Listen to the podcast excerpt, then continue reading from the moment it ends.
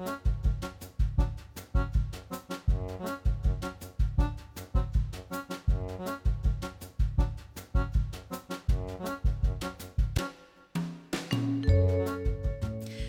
og sæl, velkomin í mannlega þáttin. Í dag er mánudagur og það er komin 13. júni. Og Gíja Holmgistóttir í hljóðstofu Akureyri. Já, svo sannanlega. Og Guðrún Gunnarsdóttir í hljóðstofu í Reykjavík. Já, svona er tæknin. Svona er tæknin. En við skulum fara yfir hvað uh, hefur gerst í gegnum tíðina á þessum degi 13. júni. En 1870 þá var Gránufélagið stopnað hér á Akureyri. Og 1875 Jón Sigursson ávarpaði skólapilta í Reykjavík og talaði um frelsið. Svo árið 1920 postþjónusta bandaríkjana settir reglu um það að ekki mætti senda börn í pinglum. Það er nú gott að setja reglunum þetta. Já, það hefur greinlega þurft. Nú 1922 gengiskráning íslenskara krónu var tekinu upp en áður hafði hún fyllt dansku krónunni. Og 1985, hvað segir spurningum Ég, hvað? spurning hvort að það hafi verið gæfuspor. Já, En, eh, spurning. Sagan verður bara að dæma það. Já, en 1985, ný útarslög sem heimiluðu engareknar sjónvars og útarstöðar á Íslandi voru samþyktar á halþingi og lögin tóku gildi upphæfi ársins 1986. Já, og að efni þáttarins í dag þennan mánudaginn. Við ætlum að byrja á að spjalla um kvennaatkvarfið en árið 2020 hófu samtökum kvennaatkvarf tilrauna verkefni um rekstur neyðaratkvarfs hér á Akureyri. Og það var svo í apríl og þessu ári að samtökin tilkynntu að erfilega hafi gengið að finna rekstrarform sem að uppfylla þau skilir sem samtökum kvennaatkvarf setja fram til að tryggja öryggi og stuðning við konur og börn sem dvelja í atkvarfinu. Og nú er svo komið að atkvarfið á Akureyri getur ekki tekið á móti nema einni konu og börnum hennar í senn. Við fáum hinga til okkar í hljóðstöfu á Akureyri Lindu Dröfn Gunnarsdóttur, framkvæmdastýru hvenna atkvarfsins og ræðum betur við hana um stöðuna í, á hvenna atkvarfinu hér og bara um málefni hvenna atkvarfana almennt. Svo er það Guðjón Helgi Ólafsson sem flyttur okkur pistil á mánudegi eins og alltaf og í dag ber hann vinkilinn að sumarferðalögum og lesandi vikunar er síðan rituhundurinn og leikarin Gunnar Helgason. En við byrjum á fyrsta lægi dagsins sem ber titilinn Nú blánar yfir berjamó.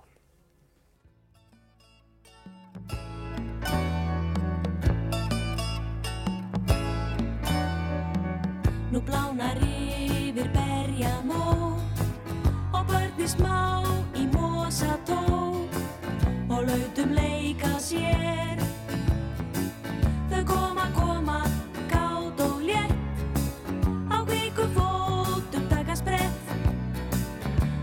Að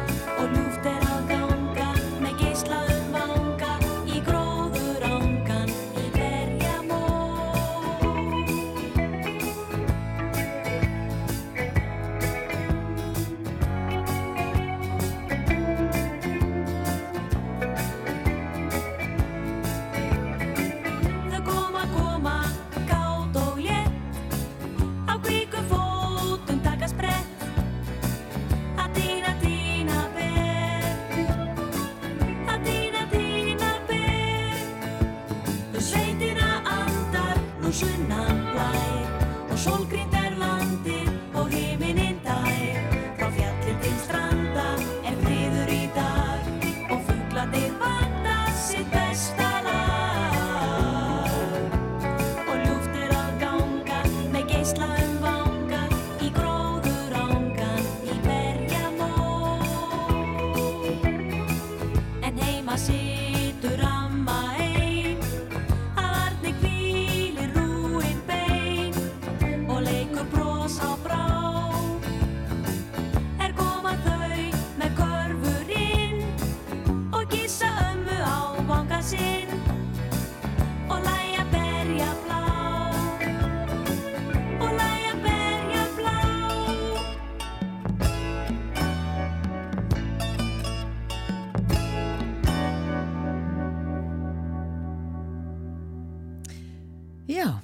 þetta var bara Ragnhildur Gísladóttir, lag eftir Gunnar Þórðarsson og eh, textan á Stefán Jónsson eða Ljóðið, nú blánar yfir Berja Mó og það var verið að benda mér á það, við höfum bara talað margóft um að það væri 13. júni í dag, Gíja, en mér svo fallet hvað við vorum sammála um að það væri 13. en það er vist 12.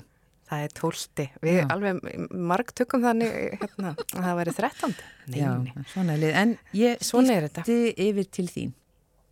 Já, við ætlum að fjalla núna um uh, stöðuna á kvennaatkvarinu hér á Akureyri. Um, eins og kom fram í, í byrjun þáttar þá uh, hófst árið 2020 tilraunaverkefni um rekstur neyðaratkvars hér á Akureyri og það var svo í april á þessu ári sem að um, tilkynnt var að það gengi erfilega að finna rekstrarform um, sem uppfylli þau skilirði sem að sem að eh, samtökin um hvenna atkvarf setja til að tryggja öryggi og stuðningu í konur. Um, og núna er það þannig að það er bara ein kona og börn hennar í senn sem geta dvali hér á hvenna atkvarfinu og akureyri og hún er hingað komin í ljóðstofu hér fyrir norðan, Linda Dröfn Gunnarsdóttir, framkvæmda stýra hvenna atkvarfsins. Verður velkomin. Takk fyrir. Jæja, ég fór svona aðeins yfir aðdragandan mm þetta tilraunaverkefni sem hófst árið 2020 en segðu mér aðeins bara hvernig gekk þetta tímabil frá því að þið byrjuði verkefnið og þanga til að svo þið þurftu aðeins að endur skoða hlutina. Já, þetta er náttúrulega hefur verið þróunaverkefni sem að fylgur í sér að maður fer í alls konar áttir og svo þarf maður að taka nokkur skref tilbaka og skoða stöðuna. Þetta fór alveg mjög vel að stað og það var uh, algjörlega magnað að fylgjast með samstöðunni hérna fyrir norðan þegar við vorum að opna. Uh, ímsu aðilar sem að komu og, og tóku vel utanum verkefnið, uh, bæði sjálfbóðliðar og, og hérna, félagsamtök og sveitafélög og ráðuniti. Uh, við erum í góðu samstarfi við Ablið og Bjarmalíð Mm. og við Akureyra bæ og, og, hérna, og það hefur gengið mjög vel og er mjög mikilvægt þegar það er svona pínu snúin starfsemi þegar svona minna, minna umhverfi og þá þarf að nýta vel hérna, alla þræði. Og uh, aðsóknin náttúrulega fór kannski frekar rólega stað þannig að við gátum svolítið gefa okkur hennan tíma í að meta stöðuna öðru hvoru. Um, það sem að hefur gerst núna er náttúrulega bara að aðsóknin er að aukast eðlilega uh, og hún mun halda áfram að aukast þannig að hérna og þá koma upp ímis hérna kannski vandamál. Og svona við höfum alltaf orðið þess svona fullvissari að við þurfum að veita meira sambarilega þjónustu hér eins og við erum að veita í atkvarinu í Reykjavík og það hefur svolítið svona sanna sig kannski svona síðustu mánuðina. Já. Það hafa verið að koma upp svona ímis atvik og annað þar sem við sjáum bara uh, við erum ekki að ná að tryggja þetta öryggi og þessa eftirfylgni og þetta utanumhald, utanumhald sem við viljum tryggja. En hvað veldur því? Hva, hver er ástæðan fyrir því að, að, að, að uh, þeir erfilega koma upp? -hmm. Já, það er kannski aðalega bara, uh, við erum ekki með nógu mikið af starfsfólki í, hér fyrir norðan. Uh, við erum ekki að, veist, þessi samstagsæðala sem hafa verið að, að, sem ég nefndi hér áður, eru náttúrulega meira á dagtíma. Þetta er þess að aflið er að veita viðtöl til hvernana og bjarmalíður að halda utanum þeirra mál og annað og bakvakt barnavendar hefur vissulega svona hlupi til og, og, og þegar vantar upp á og kveld og annað. En uh, það er bara þessi viðvera starfsmanns eða starfskonu í sest, eins og á kvöldin þá sérstaklega um, kvöldin geta bara verið mjög erfiðu tími í atkvarinu Mm. þá oft er úlfatímin, þá eru oft allar konur að koma í hús og þetta er sambúð uh, aðila sem að eru að koma úr miklu álægi, eru í áfallastreitu oft og, og líður illa þannig að hérna við finnum bara við erum ekki að ná að halda nógu við utanum þær Já. við erum ekki í húsi þannig að við þurfum að bæta í Já, uh, þjónustuna Og þú talar um að það vantir starfsfólk. Mhm. uh, hvað eru margir sem starfa hér eh, á Akureyri? Við erum núna með eina sem er í fastræningu uh, í dagvinnu. Já. Hún hefur svolítið svona rokkað úr 50% og yfir í 100% eftir hvernig álægið er. Þetta er svolítið eins og að reyka uh, slökkustöð. Við þurfum alltaf að vera með allt tilbúið en stundum er ekkert að gera og stundum er brjálega að gera og það er pínu flókið. Og svo eru helgarkonur að koma á helgavaktirnar. Þannig að í heildina er þetta fjóra starfskonur og það er að þrjári bara hérna, mjög litlu starfslutvalli og það sem ég myndi vilja sjá er að vera með tvær starfskonur í, í, á daginn, það fyrir líka mjög erfitt að vera einn með þessi mál, þau eru flókin og þung og, og það er ekki gott að leggja það á eina starfskonu. Og svo myndi ég vilja vera með bakvakt uh, á kvöldin og um helgar sem hægt er að kalla til þegar það eru konur í húsi. Og þetta hljóma rosalega einfalt en þetta er óbúslega mikil kostnæraukning og, hérna, og felur í sér að við höfum verið að reka þetta núna síðan 2020 og þetta verður gjössalega komið bara aukalega ofan á okkar kostnað og, og hérna og núna er þetta bara of þungur róður þannig að við erum svona að reyna að leita leiða til þess að geta gefið í. Mm En þú ert aðeins ert búin að minnast á húsnæðið. Mhm. um, er það viðhunandi húsnæðið sem erum með eh, hér á Akureyri? Nei, það er það kannski ekki sko. Það er, hérna, það er ekki með aðgengi fyrir hjólastóla, það eru tröppur upp og það er svona, já ég myndi náttúrulega vilja eitthvað tíma með tímanum þetta verður stærra að, hérna, að breyta húsnæðinu og hafa svona aðeins betur sniðið að þörfum uh, starfseminar.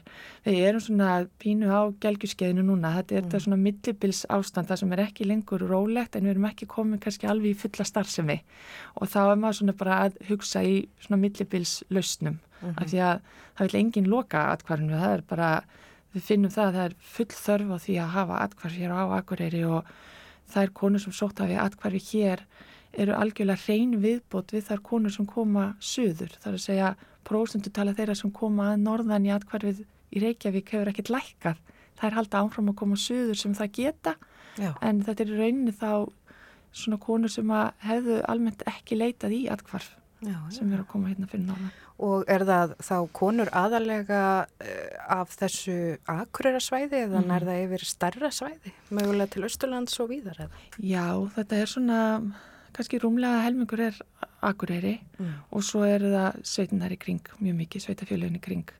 Um, það hefur komið kona að vestfjörðum, þá hefur það svolítið svona sínt sig að konur uh, sem hafa kannski búið uh, alltaf í, út á landi finnst þægilega að koma og vera á Akureyri heldur en að vera í Reykjavík bara finnst betra að keira hér og annað en það breytir því ekki að það þarf að finna úrræði náttúrulega í fleiri landslutum hvort sem það er atkvarf eða bara meiri ráðgjöf eða að sveitafélunir er ekki einhvers konar íbúðir sem við getum komið að með ráðgjöf og utanumhaldi en uh, við sjáum algjörlega þörf fyrir það að það sér ekki atkvarf hér fyrir norðan, já.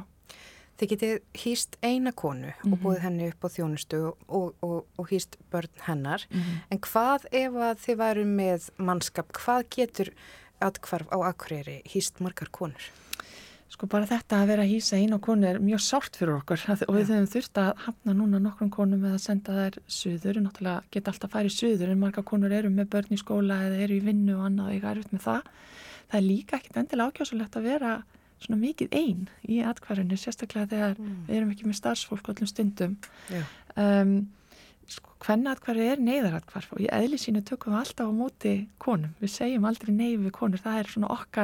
pólisía. Já. Þannig að í atkvarfinu í Reykjavík þó svo að það sé kannski öll herbyggi full skipu þá finnum við alltaf lausnir á því ef að konu er að flýja ofbeldi af heimili sínu þá er henni aldrei hafnað ef hún á heima hjá okkur og uh, þess vegna er þetta einstaklega sárt fyrir okkur sem við vinnum hjá hvernig atkvarfinu að segja nei við konur en við náttúrulega alltaf getum búðum upp á atkvarfi í Reykjavík um, þetta eru þetta eru svona það gætu verið kannski þrjár til fjórar konur með góðum móti í atkvarfinu á Akureyri eins og það er núna en um leið og við finnum að það er sprungið þá myndum við alltaf að reyna að finna lausnir á því og finna stærra húsnæði og, ef, og aðsóknin hefur ekki verið það mikið að við reynd á það en við myndum alltaf henda þá dín og gólfið ef að það þarf skilir að einhvers konar tímabundið ástætt Þið finnið alltaf lausnir Já. eins og þú sagðir.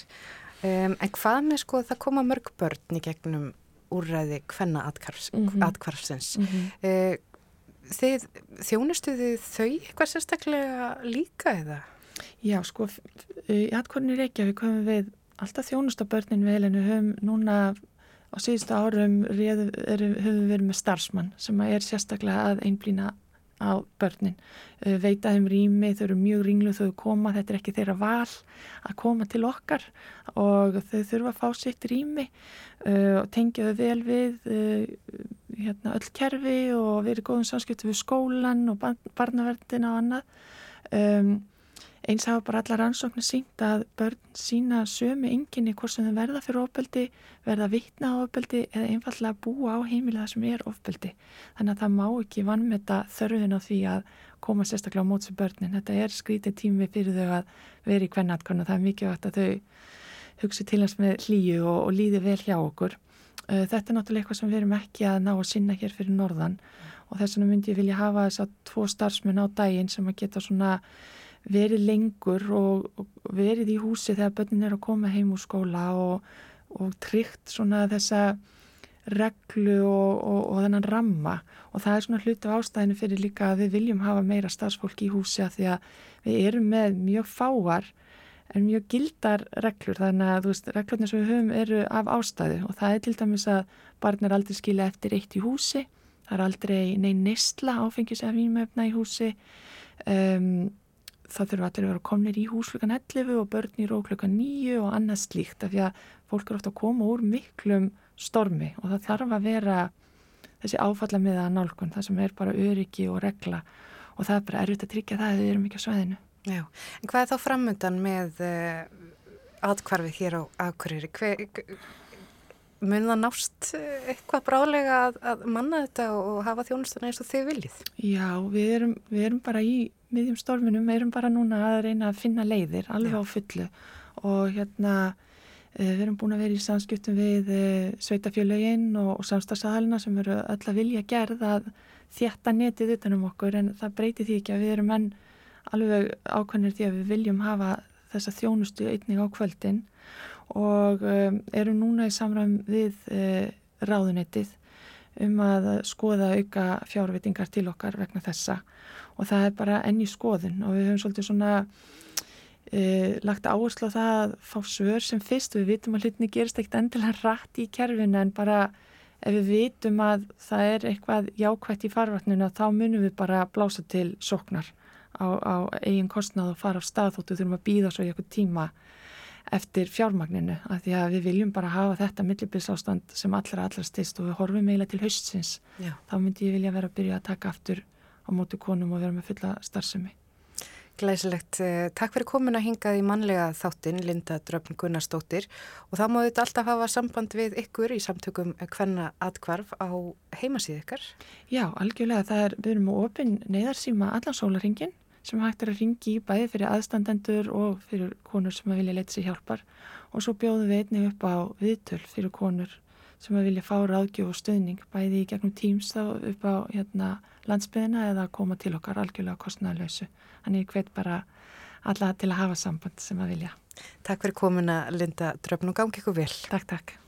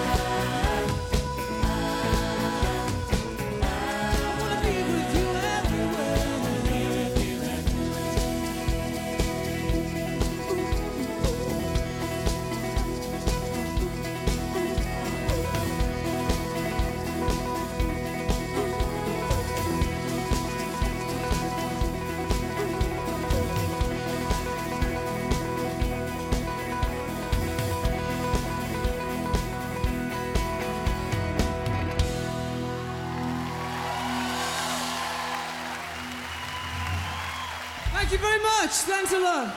Já, þarna þökkuðu mér þess að fyrir sig. Þetta var hljómsveitin Fleetwood Mac og lag sem heitir Everywhere. En þá er komið að vinkli vikunar. Guðjón Helgi Ólafsson er hér alltaf á mándugum og nú hugar hann að sumarferðalögum. Ágætu hlustendur, Eh, ég er ekki vissum að rifsberjarunnarnir hjá mér komið til með að bera mikinn eða merkilegan ávöxt þetta árið. Saltrókið um daginn lamdi utan hvað líti var af löfblöðum og brumi, settist þar að og sveið. Og óttalegur kirkingur satt að segja og ég sem er svo mikið fyrir rifsberjarsultu sá fram á breytingar á lífsháttum, jafnvel karakter, svo ég sletti nörlítið. En mundi þá að ég á helling af rababara sem sprettur hér í gardinum og þykkur ekki önnur laun en nokkra fermetra af mold til að standa í, sól og regn. Rababarinn virðist þóla hvað sem er, fær ungvar umgangspestir og meindýr virðast ekki leggja hann í einelti. Þó fyrir komi að maður sjáu einn og einn sníil á blöðunum og stökusinnum setjist á hann hrossafluga, virðist það ekki hafa neitt að segja og kannski er hægt að þakka það oksalsýrunni sem um æðar hans rennur. Það er engin hotlustu drikkur og fer til dæmis ekki vel með tennur í miklu magni. Getur líka í óhófi valdið tröflunum á nýrnastarfsemi. Ég held að flestir séu nú ekki neittni ofneslu á rababara þannig að hættan er kannski lítil, svona almennt. Fyrir mörgum árum kendi Björn Björnsson og Hallamstað mér að gera skortýrafælu úr rababara. Alveg lífræna og þarf ekki einu svona kveikja á hraðsuðu kalli, hvað þá annað. Vonandi hef ég uppskriftina rétt eftir en hún var á þá leið að setja blöð af rababara í stóran bala og fylla upp með vatni. Næsta skref er mjög mikilvægt því það er fyrsta skrefið sem maður stýgur á leiðsynni burt frá balanum og á hann lítum maður ekki næstu daga því vatnið þarf að fúlna verulega. Þegar því stíi er náð hellir maður vögvanum í pumpubrúsa og úðar svo það sem þarf að úða í sínum gardi. Meindýr eru alveg eins og við að því leiti að þau kæra sér ekki um að vera úðuð með fúlu rappabaravatni og koma sér hins snarast á brott. Þetta má svo endurtaka eftir aðstæðum hverju sinni og ég man aldrei eftir að hafa skemmt neitt með svona meðferð. Síðan ég notaði svona skortýrafærir síðast hafa asparglitta, birkifetti og fólafluga, svo dæmi séu tekin, sótt í sig veðrið og kannski er rétt að blandi eins og einar hjólbörur á fílu vatni og láta dæluna ganga yfir þá leiðu og óbáðinu gesti ef manni líkar ekki sambúðin. Þó mögulega sé þessum kvikindum alveg nákvæmlega sama. Annars hef ég ekki fundið mig knúin til að eitra neitt lengi fyrir utan kartöblumiklu sem ég hata á fyrirlít með hverju einasta mólekúli minnar lífrænu tilveru en uppgöt var aldrei fyrir naltir orðum seinan annað hefur nú yfirleitt slampast. Þegar þetta er ritað hefur veðurfari í mínum landsfjörðungi steipst í áttina til ömurleikans rétt einn gangin en virðist þó eitthvað að skána. Ég ringdi allt hvað aftók, stórum og köldum drópum sem börðum hann utan, nýstu inn fyrir merg og bein og myndu á að eiga á miðju Allandshafi með stærsta jökul jarðar fyrir nágranna er tjaldsvæði þar sem líkur á sól og sumarill eru færri daga en fleiri. Sjaldnast er nú jafn ömurlegt veður allstaðar og stundum, sérstaklega á sumrin, er alveg möguleiki að veðrið sé sæmilegt einhver staðar.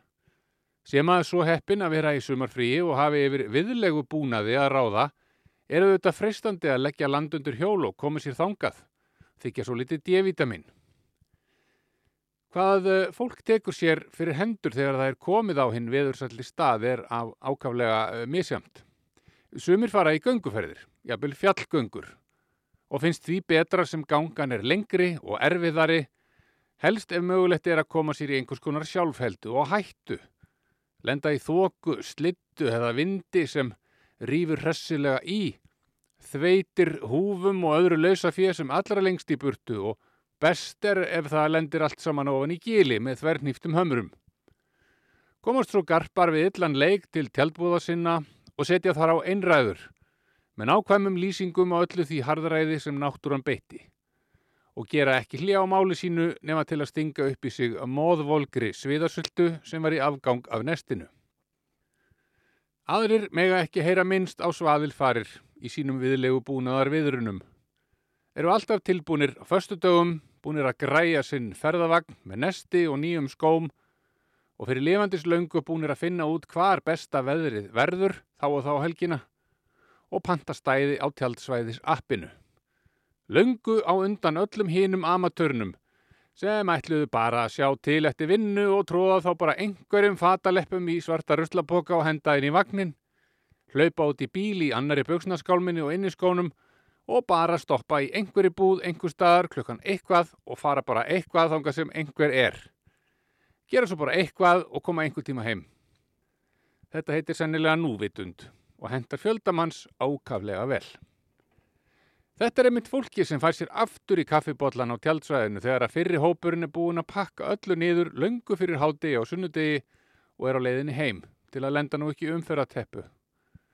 Og þegar sá hópur er komin heim, búin að setja í þvottavél og er að slá garðin, er setni hópurinn alveg slakur að koma á sundi á eftir að fá sér að borða og keirir heim um kvöldið þegar kúfurinn er farin af umferðinni og hlustar á þáttinn frjálsar hendur hérna á rás 1 í sætli ró og friði. Flest erum við svo einhver staðar hann á milli. Ég þekki fólk sem veit ekkert betra en að sitja fyrir utan hjólísi sitt í sól og blíðu, búið að setja upp forkammerið, leggja dúkin niður svo grasið kom ekki inn í hús, raða upp stólum og borðum, stinga kaffivélin í samband, láta renna í botla, kveikja útvarpinu og prjóna eða lesa bók. Borða kvöldmatt og fara snemma að sofa til að geta endur tekið sömudagsgrá daginn eftir. Vilja meina að þetta séu bestu frí sem hægt er að hugsa sér. Að þá sé hægt að láta allt stress og læti líða úr sér og renna saman við sumarið. Sumir eru hins vegar þannig að þeim finnst fullkomlega skelvileg tilhugsun að vera ein í einhverjum rólegheitum á tjaldsvæði. Vilja ferðast í hópum og setja upp tjaldbúðir þannig að allir séu saman og best að hafa möguleika á að setja upp eitt risastort fortjald þar sem flokkurinn grillar, skiptist á sósum og sögum en rýfur svo upp sönghefti, gítara og harmónikkur þegar að dagurinn dvín.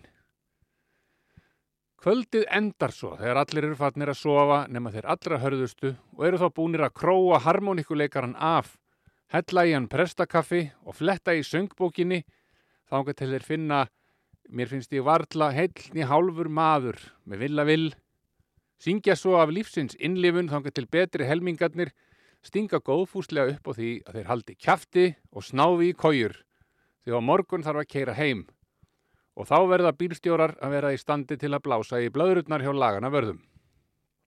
Við erum annars heppin með lagana verði hér á Íslandi. Mér sýnist að í það starf veljist aðalega geðprúður húmoristar. Ágætur vinnu minn er einn af þessum góðu lauruglumönnum og varð var við það í sínum heimabæ að ungur bifriðastjóri greiporði til þess örþrifaráðs að aka um með miklum ingjöfum og spólfimi æfingum með það fyrir augum að hvern fólk á barnegna aldri veitti mannkostum hans eftirtækt. E, fer engum sögum að því, en lauruglufjótnin ákvaða veita honum tiltal eftir miklar spólfarir í bænum. Tendraði sín bláu ljós og let sírenuna flauta eitt stutt hljóðmerki. Var þá allur vindur úr hinnum unga öguþór og lauruglþjóttnin bað hann skrúa niður rúðu og veita sér við tal, segja til nafns og afhenda skilríki til skoðunar. Á meðan kíktu þjálfið augu lauruglþjónsins yfir heildar ástand bílsins og veittu því meðan hannas aðtekli að um allan bíl voru tómar góðstrykja dósir, salgetis bref og síkarettu pakkar. Lauruglufjótnin var með gamla gerð af GPS leðsögutæki í vestis vasa sínum með utan á likjandi loftneti og bað bílstjóran að stinga því upp í sig og blása. Þetta væri splungun í gerð af alkohólmæli. Bílstjórin var ákaflega stressaður en gerði eins og fyrir hann var lagt og rétti lagana verði tækið að því loknu. Ég sé að þú ert ekki fullur en tæki segir að þú sért nálagt hættumörkum vegna reykinga. Salem Light, getur það passað? Hmm, svo kemur upp gríðarlega neysla á aspartami. Ertu að drekka mikið Pepsi Max? Ha, já, alveg slætt á þannig. Sko, ég held þú ættir að fara bara heim núna og leggja því í 2-3 tíma, fara svo í sturtu og drekka eina bollasúpu. Þú ert alveg við hættumörkin. En getur sloppið að þú fer bara varlega? Ha, já, ok. Sér tæki þetta allt. Lagana vörður er hávaksin maður og begði sér niður til að horfast í augu við bílstjóran. Horfði á tækið og síðan á bílstjóran með alvöru svip. Já, einu minn, og miklu meira en það. Tæki segir að þú eignist aldrei kærustu ef þú spólar bara möl og blest síkaretureik yfir allar stelpur í þorpinu. Sem breytir kannski engu því að aspartami gerði náttúruleysan. Löng þögn. Bílstjóren orðin grár í framann. Lörgluþjóttnin hjælt sínu póker fjesi en fann að hann gat ekki haldi hláturinnum lengur í skefjum. Farðu bara heimvinnur og hugsaðu þinn gang. Ég vil helst ekki þurfa að tala um þetta aftur við þig. Gekk svo kumrandi af niðurbældum hlátri að lörglubílnum á meðan bifreið hins hugsandi manns högti lötur hægt á brott. Þið fari nú vallega í umfærinni, kæru vinir. Góðar stundir.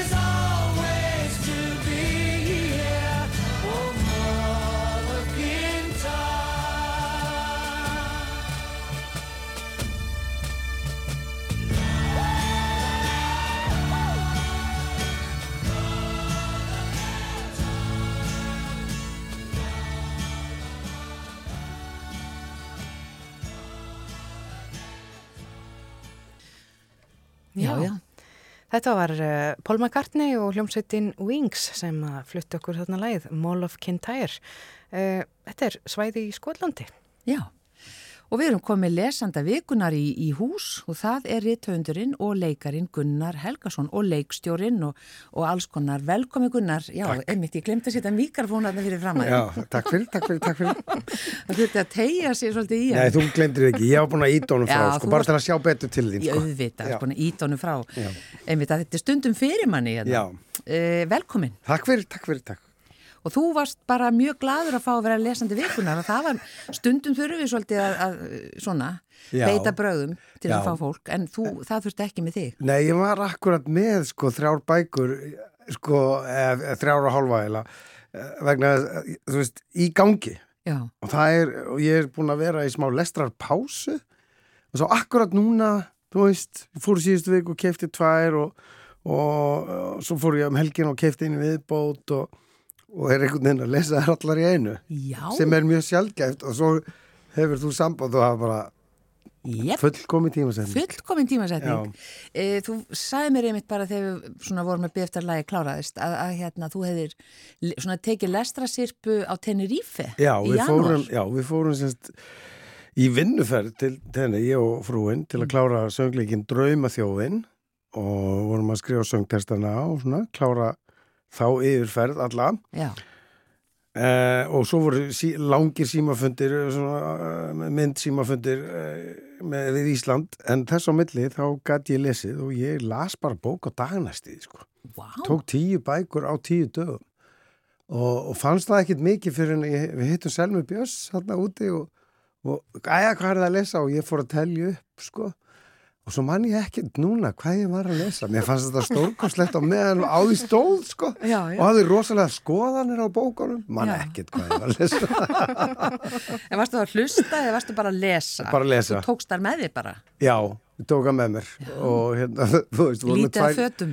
Já, það var bara, þú veist, það voru 5 kíló á bókum og, en núna er ég með 60 kíló af lestri hérna á borðinu fyrir frá mig. Já, Sko, ég, ég er að lesa, á ég að fara í það? Ég ætla með langar aðeins kannski að vita fyrst bara svona hvers konar lesandi ert. Ertu svona skorpu, veist, þetta er Já. ekki jamt og þétt yfir ári, ég heyra þetta Já, meira, er, ég er skorpu kall. já, meiri áhlaupum. Já, sko, ég, sko, ég gera það gætnan að lesa bók, sko, að leita mér að inspirasjón, andagift, ef ég er að skrifa bók. Já, eða á leiðinni að skrifa bók þá finnst mér rosa gott að lesa eitthvað sko, jafnvel eitthvað óvænt eitthvað sem ég er ekki vanur að lesa og sjá hvað það gerir fyrir mig.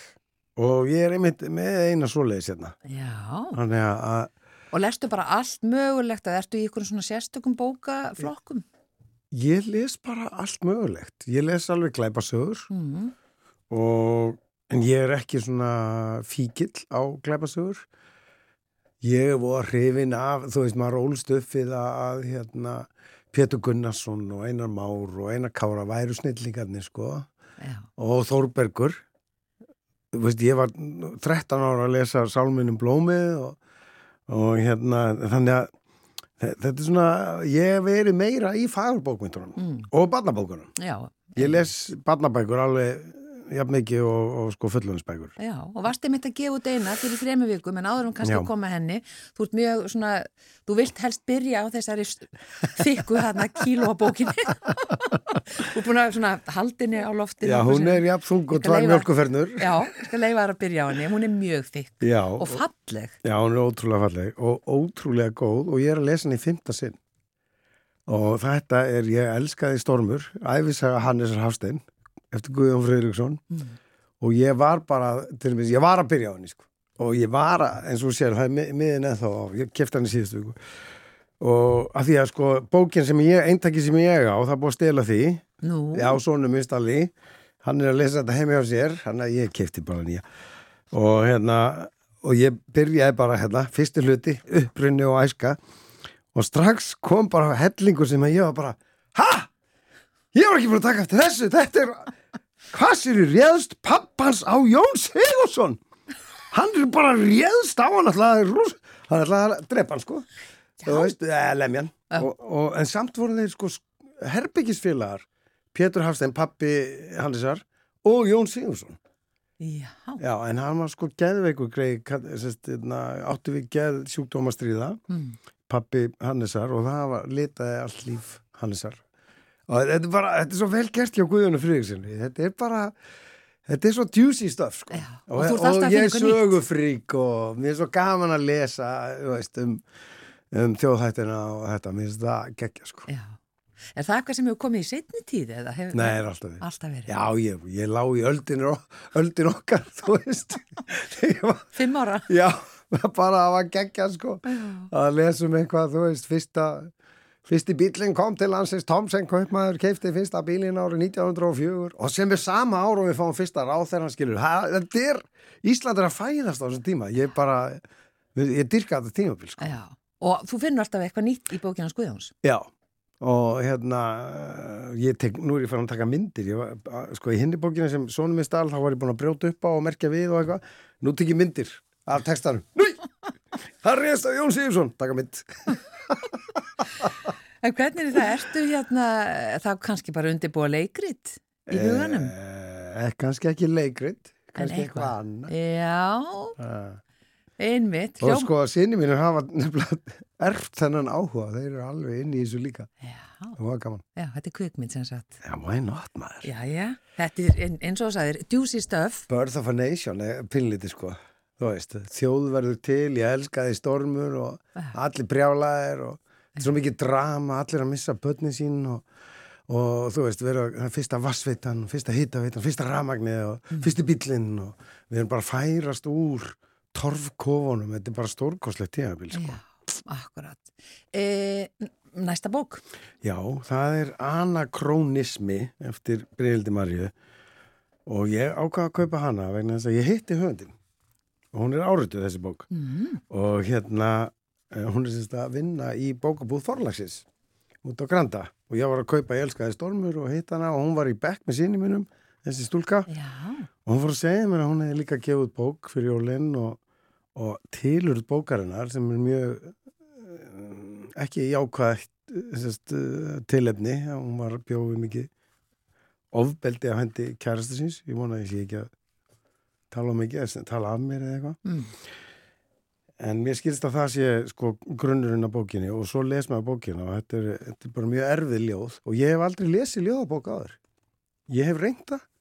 Þetta er svo fyrsta sem ég kemst svona klakklaust í gegnum sko. Já, Já, og þetta er bókin sem að ég, mig vantaði vegna þess að eins og ég sagði þá þegar ég er að skrifa þá finnst mér gott að vera með eitthvað sem hrærir upp í mér og, og hérna verður mér inspirasjón, andagift Já. fyrir skrifin og hérna er, ég er að skrifa mjög erfiða hluti núna í semst bók sem heitir Banna að drepa sem kemur út í jólin um, um hérna strák sem kemur yngar frá Úkrænu flótamaður og og lendir í hræðilegum atbyrðum og, og hérna er bara hún er næra orða þetta svo vel sko mm. og þetta bara er mjög mjög gott stöf já. og ég ætla að segja aftur nafni Já, segð aftur nafnið og titilinn.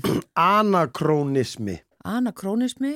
og það er Brynhildur Marja Ragnarsdóttir Já, og þetta er bara ég, þú veist þú mælir með henni. já, Já. ég geri það Og svo ertu með, þetta, þetta er allt, eða þessi og svo næsta, þetta eru nýjútkomna bækur. Já, þá breytist allt sem er líka bók sem ég er að lesa sem ég áttaði mig á að er akkurat það, það sem ég er að skrifa um það er hér í þessari bók. Þetta er bók um nýja Íslendinga.